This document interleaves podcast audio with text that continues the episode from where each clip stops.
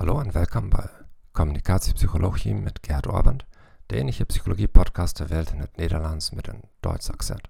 Vandaag zullen we het hebben over dreiging stereotypen, stereotype threat.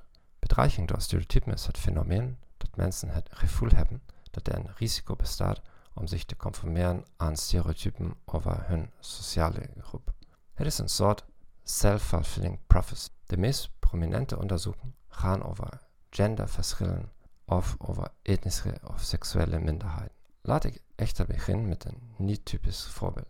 Is het stereotype dat Duitsers niet grappig zijn, dat ze geen goed gevoel voor humor hebben. Ik woon in het buitenland en ik zie er vaak vanaf om een grap te vertellen uit angst dat ik het stereotype zou bevestigen. Aan de andere kant is er ook een faalangst die verband houdt met positieve stereotypen. Omdat Duitsers op tijd horen te zijn, ben ik altijd bang als ik niet op tijd ben, omdat mensen me kunnen uitlachen als de zeldzame Duitser die te laat komt. Plötzlich liet mannelijke of vrouwelijke studenten een rekenvaardigheidstest afleggen. Kort voor de test kreeg de helft van de deelnemers te horen dat er bij deze test meestal grote seksenverschillen waren. In dit geval behalten vrouwen significant slechtere resultaten dan man.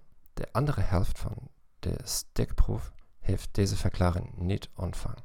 Er waren geen significante seksverschillen in de resultaten van deze groep. Een onderzoeksteam aan de Harvard University onderzocht twee cultureel wijdverbreide stereotypen en hoe deze de prestaties op een wiskundetest beïnvloeden. De twee onderzochte stereotypen waren enerzijds de aanname dat Aziaten bovengemiddelde rekenvaardigheden hebben en anderzijds dat vrouwen minder goed rekenen dan mannen. De studie toonde aan dat Aziatisch-Amerikaanse vrouwen beter presteerden op een wiskundetest wanneer hun etnische identiteit werd geactiveerd, terwijl hun resultaten slechter waren wanneer hun genderidentiteit werd geactiveerd. Bedankt voor het luisteren naar deze podcast. Ik wens je een fijne dag en tot ziens.